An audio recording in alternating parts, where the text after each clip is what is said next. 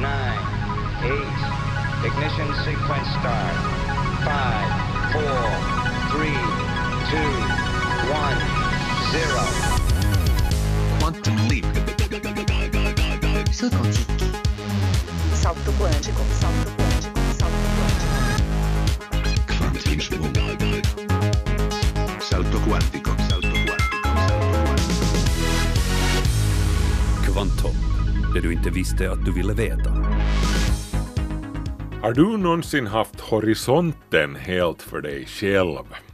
Med andra ord, har du någonsin varit så ensam att det inte har funnits någon annan människa mellan dig och horisonten? 360 grader runt om dig. Ingen annan. Det har hänt mig ett par gånger. En gång ute på havet då jag seglade ensam som yngre och en gång i Atacamaöknen i Chile ute på en stor saltslätt. Då är man ganska ensam faktiskt när man har horisonten helt för sig själv. Men också det är småpotatis mot den ensamhet man kan uppleva i rymden. Inte för att jag nu vet det, men jag har hört det. Nästa civilisation, nästa intelligenta varelse du stöter på då du beger dig utåt från vårt solsystem kommer inte emot i första bästa hast. Frågan är om du kommer att stöta på någon eller någonting levande alls hur länge du än färdas. Det finns ju de som menar att universum kryllar av liv, så vad vet jag? Sedan finns det de som inte är så säkra. En som tvivlade var fysikern och nobelpristagaren Enrico Fermi som på 50-talet myntade den så kallade Fermis paradox. Alla talar om utomjordingar, menade Fermi, men var är de? Det ska vi gå närmare in på i Kvanthopp idag. Markus Rosenlund heter jag. Välkommen med i programmet.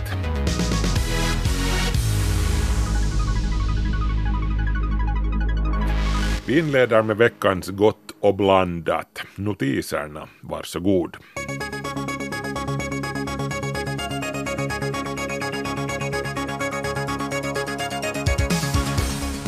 Kom livet till jorden från rymden?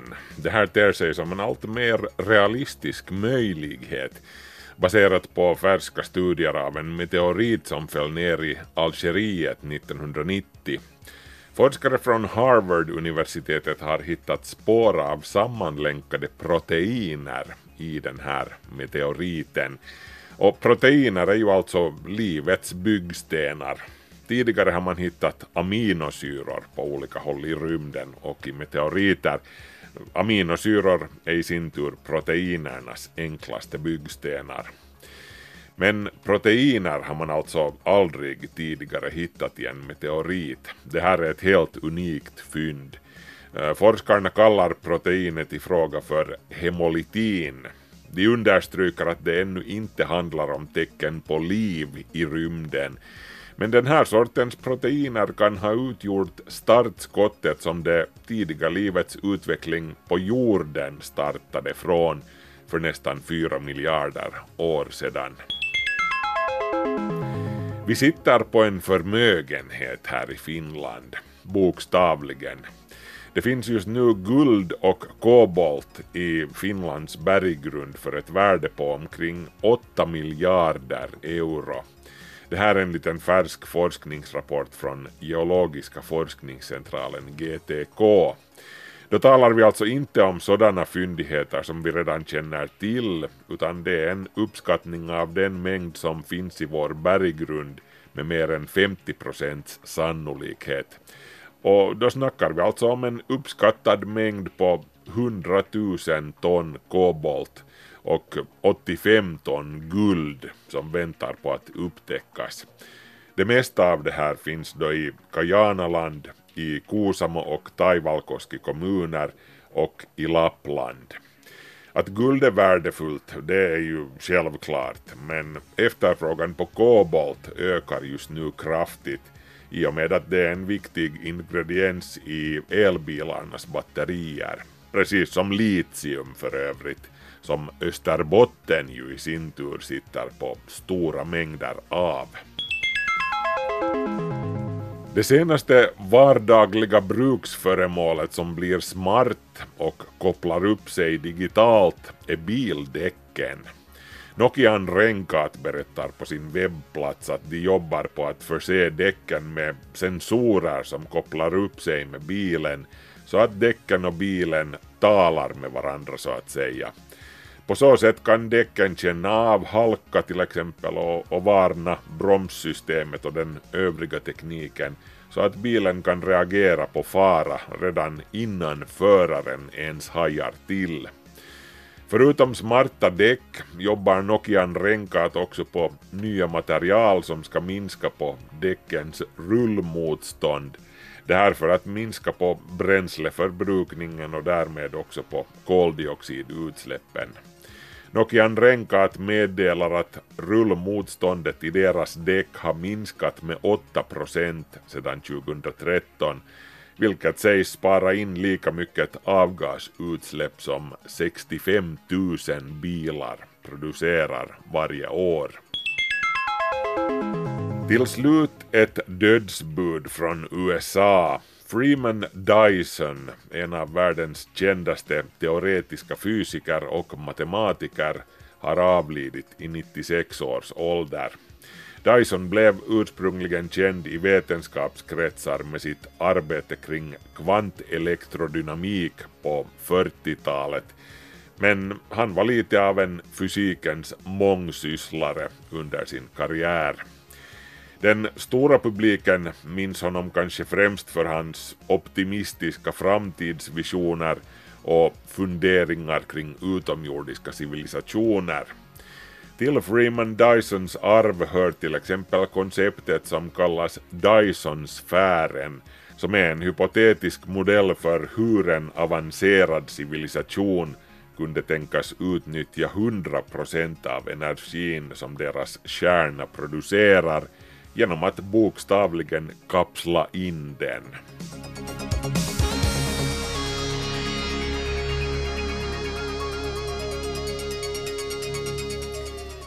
Har du sett några utomjordingar på sistone? Inte jag heller, men jag skulle ju nog gärna se sådana. Frågan är hur som helst att var är de?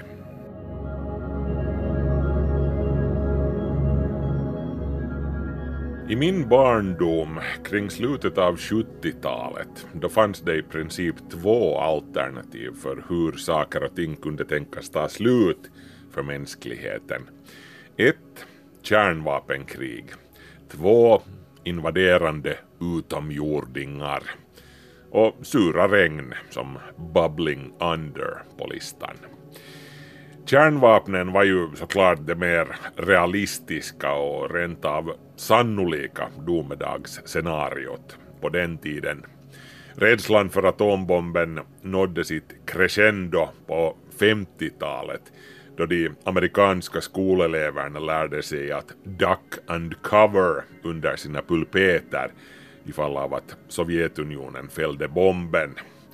Men också under det sena 70-talet och det tidiga 80-talet hängde kärnvapenhotet tungt i luften när det kalla kriget gick in i sin sista och ganska så varma fas. Eller som Freddie Mercury sjunger i Queen-låten Hammer to Fall.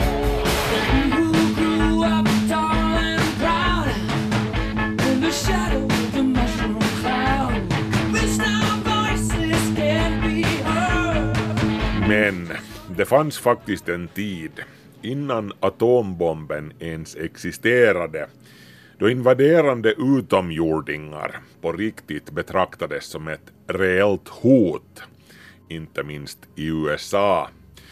Det här framförallt tack vare en man, Orson Welles, senare känd som firad filmregissör. 1938 fick han en och annan amerikan att sätta kvällstät i vrångstrupen med sitt radiohörspel baserat på H.G. Wells science fiction-klassiker världarnas krig, eller War of the know World. what that means. What anything means. Wait a minute, something's happening. Humped shape is rising out of the pit. I can make out a small beam of light against a mirror. What's that? There's a jet of flame springing from the mirror and it leaps right at the advancing men. It strikes them head on. Lord, they're turning into flames.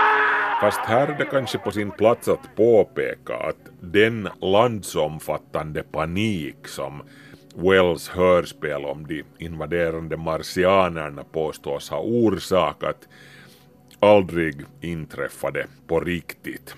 De allra flesta amerikaner lyssnade aldrig ens på programmet och av dem som lyssnade var det väldigt få som drabbades av någon sorts panik eller ens rädsla. Det här är historieforskarna ense om idag. Men klart är hur som helst att Orson Welles i och för sig briljanta iscensättning kom att utgöra startskottet för en stört flod av filmer och litteratur på temat världsrymden anfaller. Den ena filmen sämre än den andra faktiskt. När man rangordnar världens sämsta filmer någonsin så brukar listan toppas av Plan 9 from Outer Space regisserad av Ed Wood. Den filmen är så dålig att den nästan är bra. They've come from the bowels of hell, a transformed race of walking dead, zombies guided by a master plan for complete domination of the earth. Plan 9 from outer space. Visst har det gjorts helt hyfsade filmer på temat också, som till exempel Ridley Scotts Alien från 1979 med Sigourney Weaver i huvudrollen som Ripley.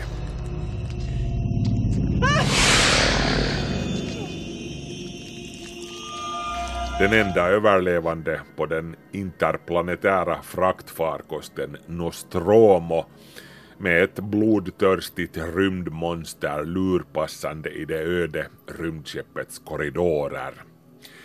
Summan av kardemumman har hur som helst hela tiden varit att utomjordingarna är ute efter oss och vill antingen göra oss till sina slavar eller till sin frukost. Eller så vill de komma åt våra naturresurser eller någonting. Ofta på grund av att de har plundrat och tömt sin egen hemplanet på resurser. Undrar du just varifrån en sådan tanke härstammar?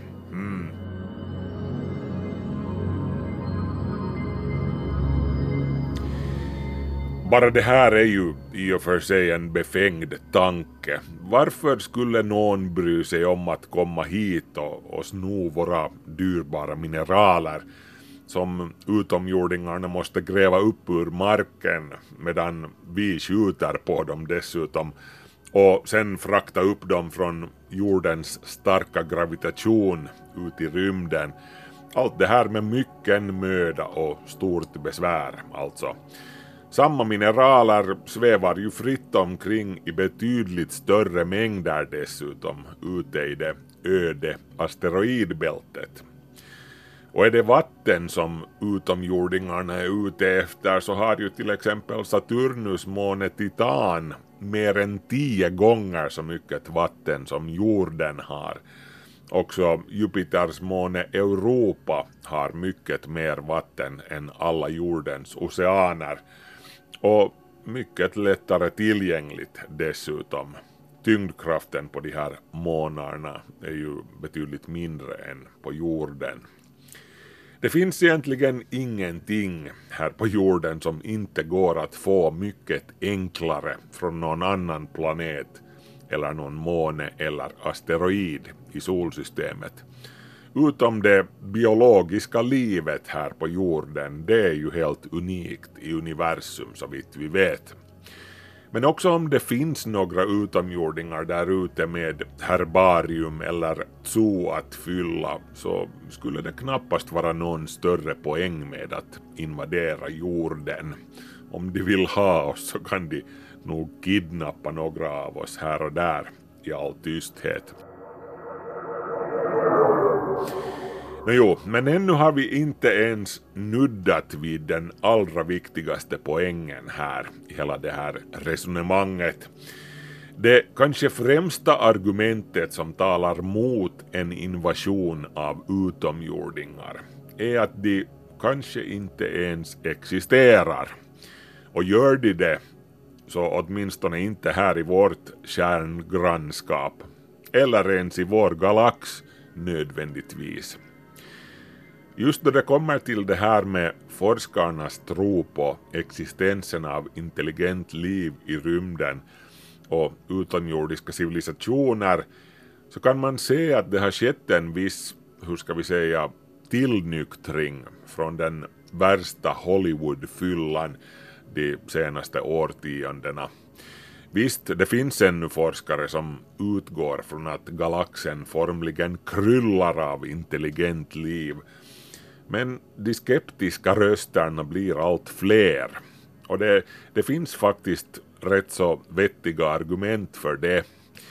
Det finns ett berömt uttalande angående det här som enligt vad det berättas yttrades av den italienska fysikern och nobelpristagaren Enrico Fermi 1950 under ett lunchmöte med några kollegor. Fermi var lätt irriterad av kollegornas nonchalanta bergsäkerhet om att utomjordingarna inte bara existerade utan färdades rutinmässigt över de interstellära vidderna. Så Fermi ställde en enkel liten fråga som fick det att bli knäpptyst vid lunchbordet. Frågan löd Var är de? Varför har vi varken sett eller hört av dem vid det här laget? Vår hemgalax Vintergatan är omkring 10 miljarder år gammal och mer än 100 000 ljusår i genomskärning. Om utomjordiska civilisationer hade rymdskepp som kan färdas med 1 % av ljusets hastighet så skulle utomjordingarna vid det här laget ha hunnit ta sig fram och tillbaka över hela galaxen tusen gånger om. Så varför har vi inte sett ett spår av dem ännu eller snappat upp en enda radiosignal från rymden trots att vi har lyssnat länge och väl vid det här laget med några av våra största och kraftfullaste teleskop. Till exempel det enorma Arecibo-teleskopet i Puerto Rico. Den här uppenbara motsättningen mellan den beräknade sannolikheten för utomjordiskt liv i universum som de facto är ganska stor och den skriande bristen på bevis för det livets existens, framförallt existensen av intelligent utomjordiskt liv, har alltså sedermera gått under namnet Fermis paradox. Where are all the aliens? This is the Fermi paradox, and nobody has an answer to it. But we do have some ideas. Hur många planeter med utomjordiska civilisationer finns det då där ute? Det existerar faktiskt uppskattningar om det. Hör mer om det efter ett spår från filmen E.T. The Extraterrestrial. Spåret heter Flying.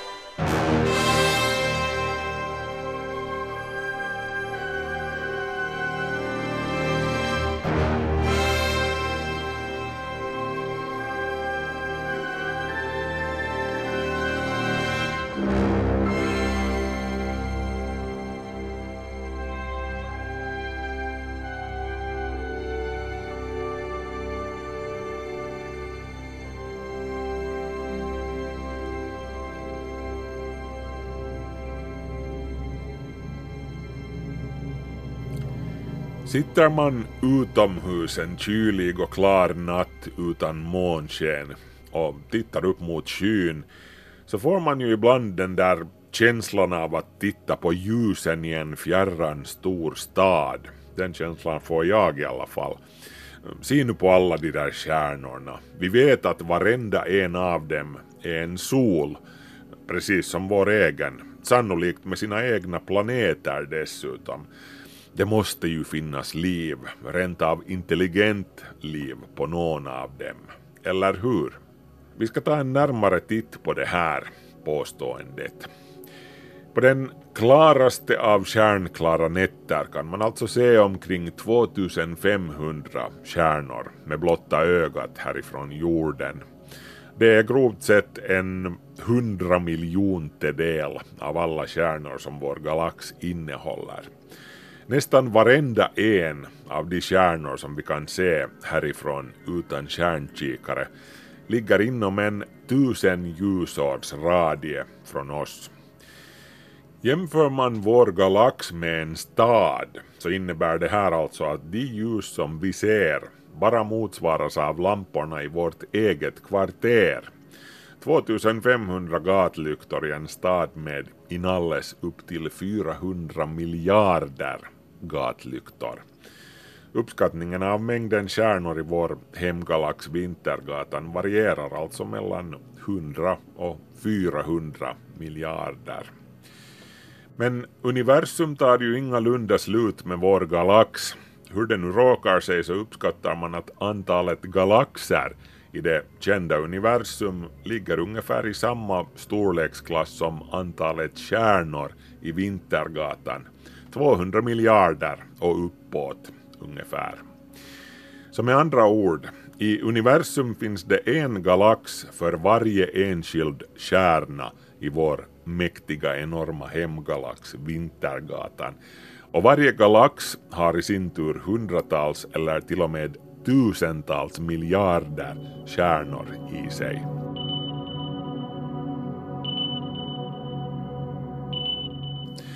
Ett annat sätt att tänka på det här är att jämföra antalet stjärnor i universum med det sammanlagda antalet sandkorn på alla världens stränder och i alla världens öknar, sandlådor och på andra sandiga ställen.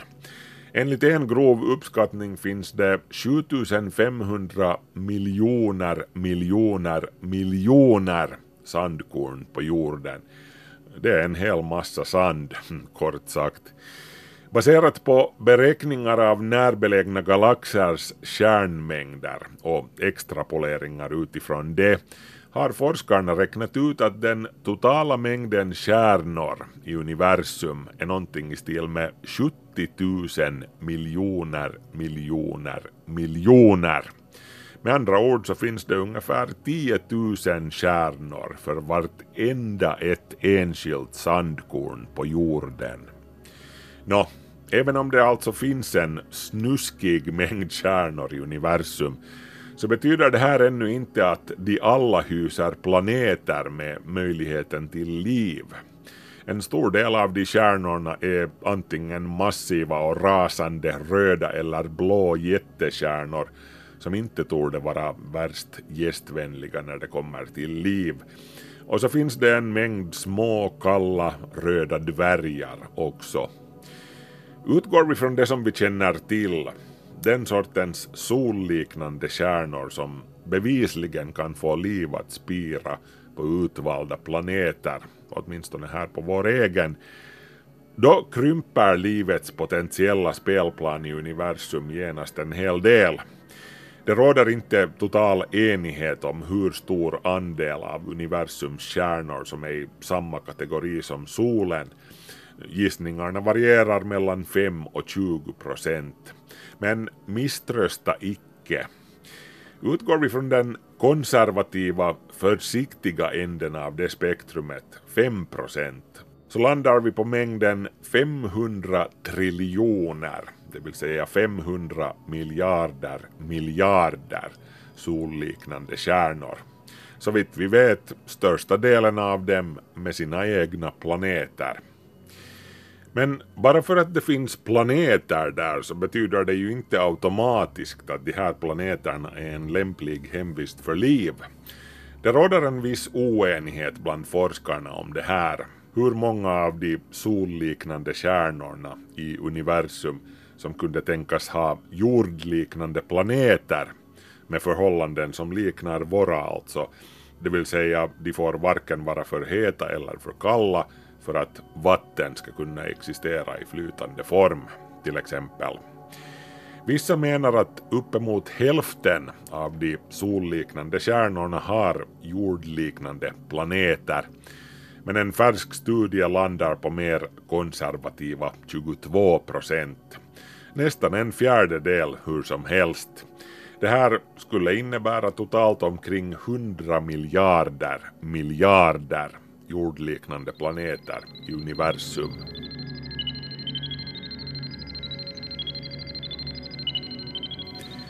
Och tillbaka till stranden. Om vi jämför den här siffran, mängden stjärnor i universum med jordliknande planeter, med antalet sandkorn på jorden, så skulle det alltså finnas hundra stycken jordliknande planeter i universum för vartenda ett sandkorn på jorden. Inte illa, eller hur? Man skulle ju tycka att det formligen kryllar av intelligent liv där ute. Men vi tar det här resonemanget ytterligare ett steg vidare. Hur många av de här jordliknande planeterna hyser någon sorts liv? I det här skedet blir andelen ren spekulation i resonemanget nästan 100 procent, det ska medges. Men låt oss utgå från en procent. Säg alltså att en procent av de jordliknande planeterna hyser liv. Det här betyder att det skulle finnas en jordliknande planet med liv för varje sandkorn på jorden.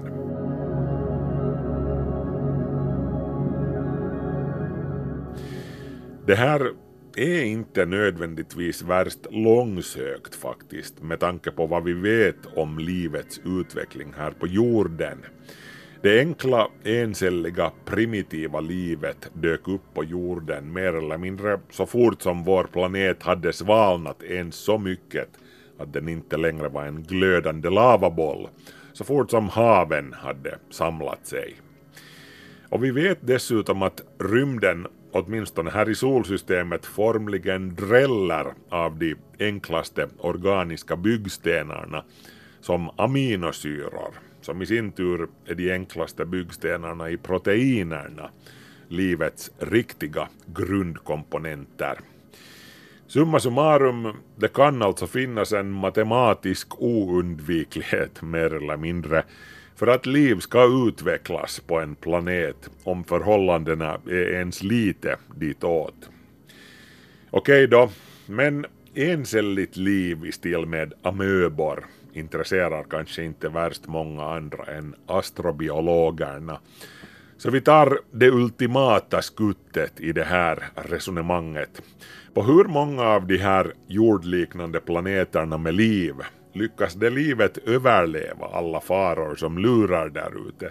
Asteroidnedslag och solstormar och supernova-explosioner och så vidare. På hur många av de här planeterna kan livet undvika alla de här farorna länge nog för att bli intelligent och starta civilisationer och bygga pyramider och så vidare.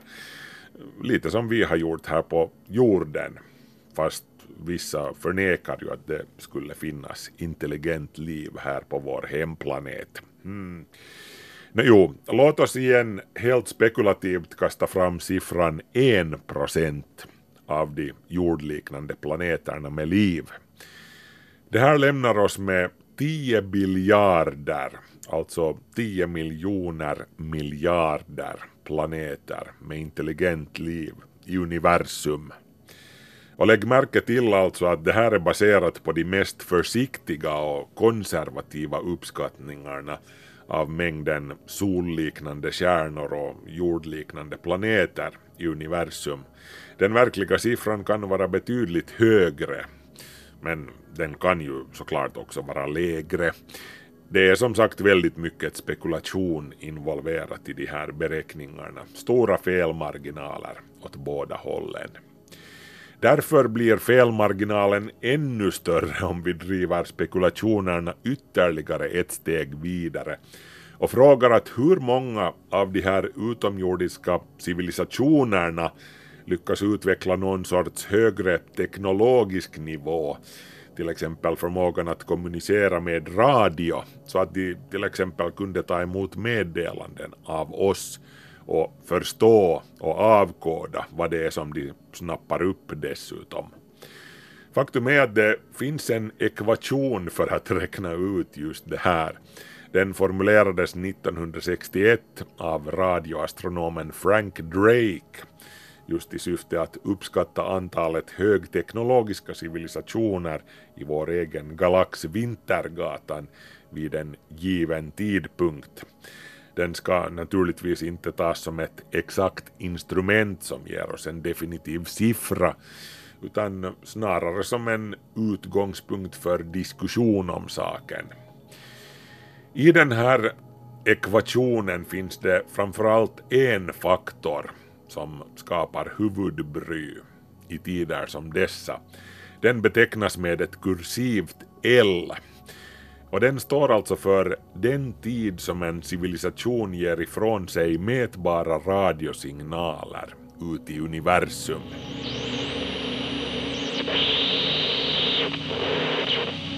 Och det är här som vi anländer till pudelns kärna i den redan nämnda Fermis paradox det möjliga svaret på Enrico Fermis berömda fråga Var är de? Utomjordingarna alltså. Och det svaret lyder alltså i sammanfattning som så att också om det rätt så sannolikt finns liv som gråa katter där ute och till och med en hel massa intelligent liv så är det ingenting som säger att det livet är hemma och kan svara just i den stunden då vi ringer. Inte om de är lika självdestruktiva som vi. Den berömda amerikanska fysikern Carl Sagan han ägnade faktiskt en stor del av sin karriär åt att fundera just kring det här. Alltså hur olika frågor kring hållbarhet och kollektiv överlevnad påverkar vår chans att göra vår närvaro känd. Vi människor Homo sapiens har existerat här på jorden i ett par hundratusen år eller så.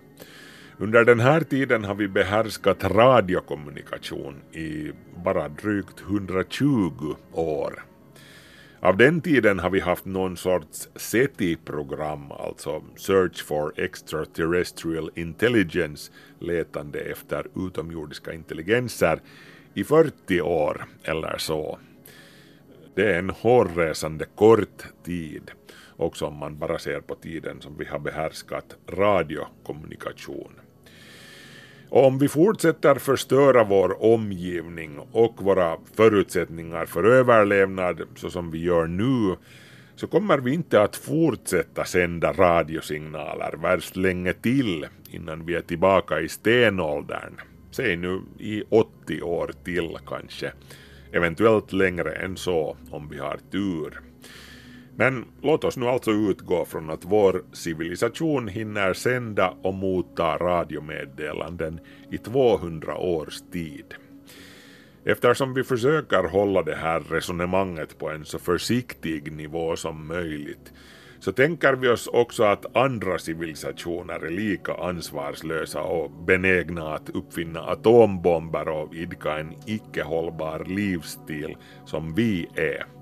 Och då hjälps det liksom inte att det potentiellt finns en hejdundrande mängd civilisationer där ute.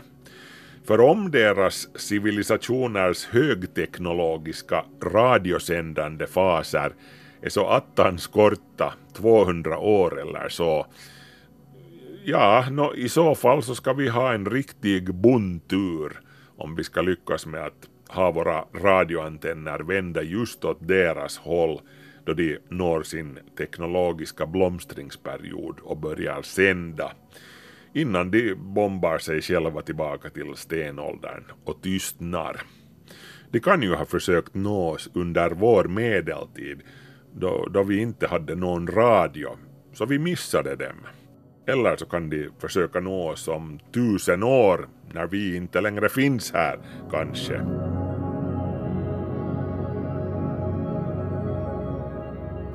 Nå, jo.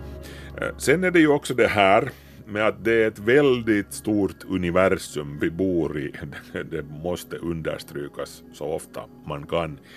Och det här ställer upp sina egna utmaningar. Närmaste civilisation från oss, om den existerar här i vår egen galax, kan ligga väldigt långt borta från oss, om vi säger så. Vintergatans galax är alltså mer än 100 000 ljusår i genomskärning. Säg nu att närmaste civilisation ligger på 50 000 ljusårs avstånd från oss. Radiosignalerna som vi skickar, om de råkar riktas åt deras håll, når dem om 50 000 år, eftersom radiosignaler färdas med ljusets hastighet. Om de svarar på våra signaler så går det ytterligare 50 000 år till innan svaret når oss. Styrkan på radiosignaler avtar ju dessutom med avståndet så signalen måste på riktigt vara otroligt stark eller otroligt snävt riktad åt vårt håll för att bära ända fram. Ligger närmaste intelligenta civilisation i en annan galax, säg nu Andromeda, då är det i praktiken omöjligt att upptäcka eventuella radiosignaler som de sänder och signalerna når oss hur som helst tidigast två och en halv miljoner år efter att de sändes. Och för att vi ska ha ens en teoretisk möjlighet att motta signalen från Andromeda måste sändaren mer eller mindre ha effekten hos en hel sol.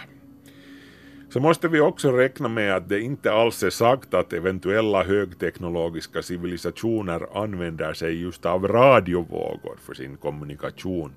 De kan vara väldigt mycket mer avancerade än vi och kommunicera med någon teknik som vi inte ens kan föreställa oss ännu.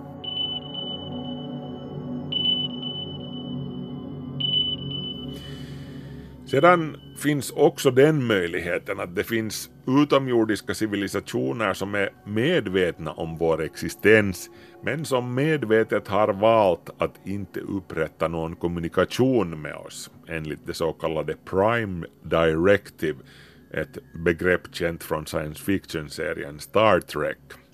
Prime Directive, eller primärdirektivet, är alltså en regel som den fiktiva Förenade planetfederationen i Star Trek-universumet tillämpar, som går ut på att en högre stående civilisation inte ska blanda sig i en lägre stående civilisations utveckling. Det här för att undvika att de egna värderingarna och idealen överförs på infödingarna liksom. Lite som vi så kallade civiliserade folk här på jorden har valt att låta de sista ursprungsfolken i Borneo och Amazonas vara för sig själva. Med andra ord, utomjordingarna finns där, men de undviker oss. Den så kallade zoo-hypotesen är inne på ett lite liknande spår. Utomjordingarna finns där och de är medvetna om oss, de kanske redan är här, mitt bland oss, men de undviker medvetet oss och iakttar oss i tysthet. Jorden är aphuset på utomjordingarnas zoo och vi är aporna, liksom.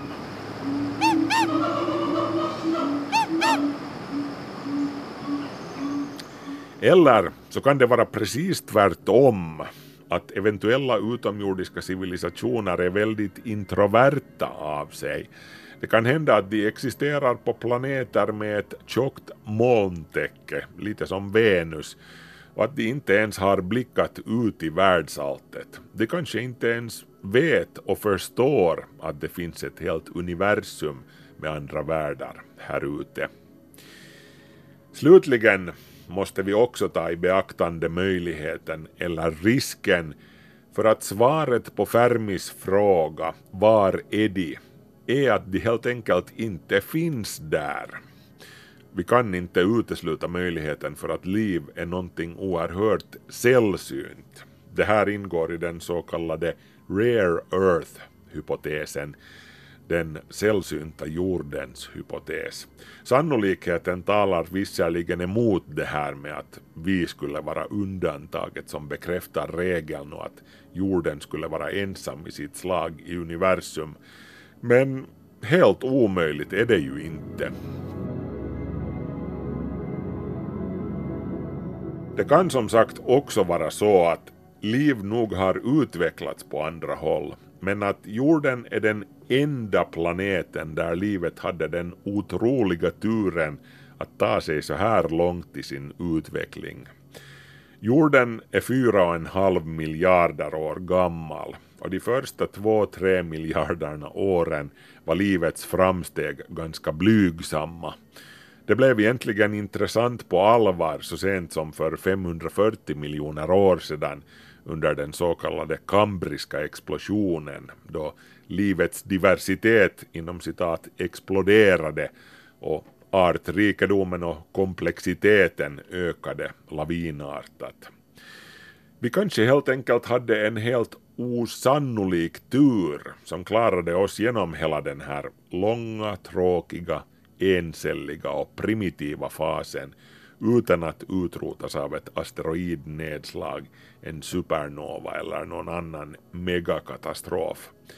De eventuella andra planeterna där liv uppstod kanske inte har haft samma sorts tur. Helt nyligen hörde jag en föreläsning av den brittiske fysikern Brian Cox. Han var inne på just det här spåret. Han menade att det kan vara så att intelligent liv kanske uppstår så pass sällan att det vid en given tidpunkt bara finns en planet med intelligent liv i en galax av Vintergatans typ. I genomsnitt alltså. Och att den planeten är jorden just nu. Och det här ökar ju liksom på pressen för oss. Om det är vi som ensamma bär livets fackla i hela vår enorma galax så då vill vi ju definitivt inte tappa den. Varför vi annars heller skulle vilja tappa den, det vet jag inte. Men är vi allt liv som finns här, så då har vi ett otroligt ansvar att förvalta det. Nu säger ju varken jag eller någon annan att det här skulle vara det lite dystra svaret på Fermis paradox. Men vi skulle väl ändå göra rätt i att börja leva lite mer som om det vore just så här. Livet finns här och nu, det vet vi ju. Så sjabbla inte bort det.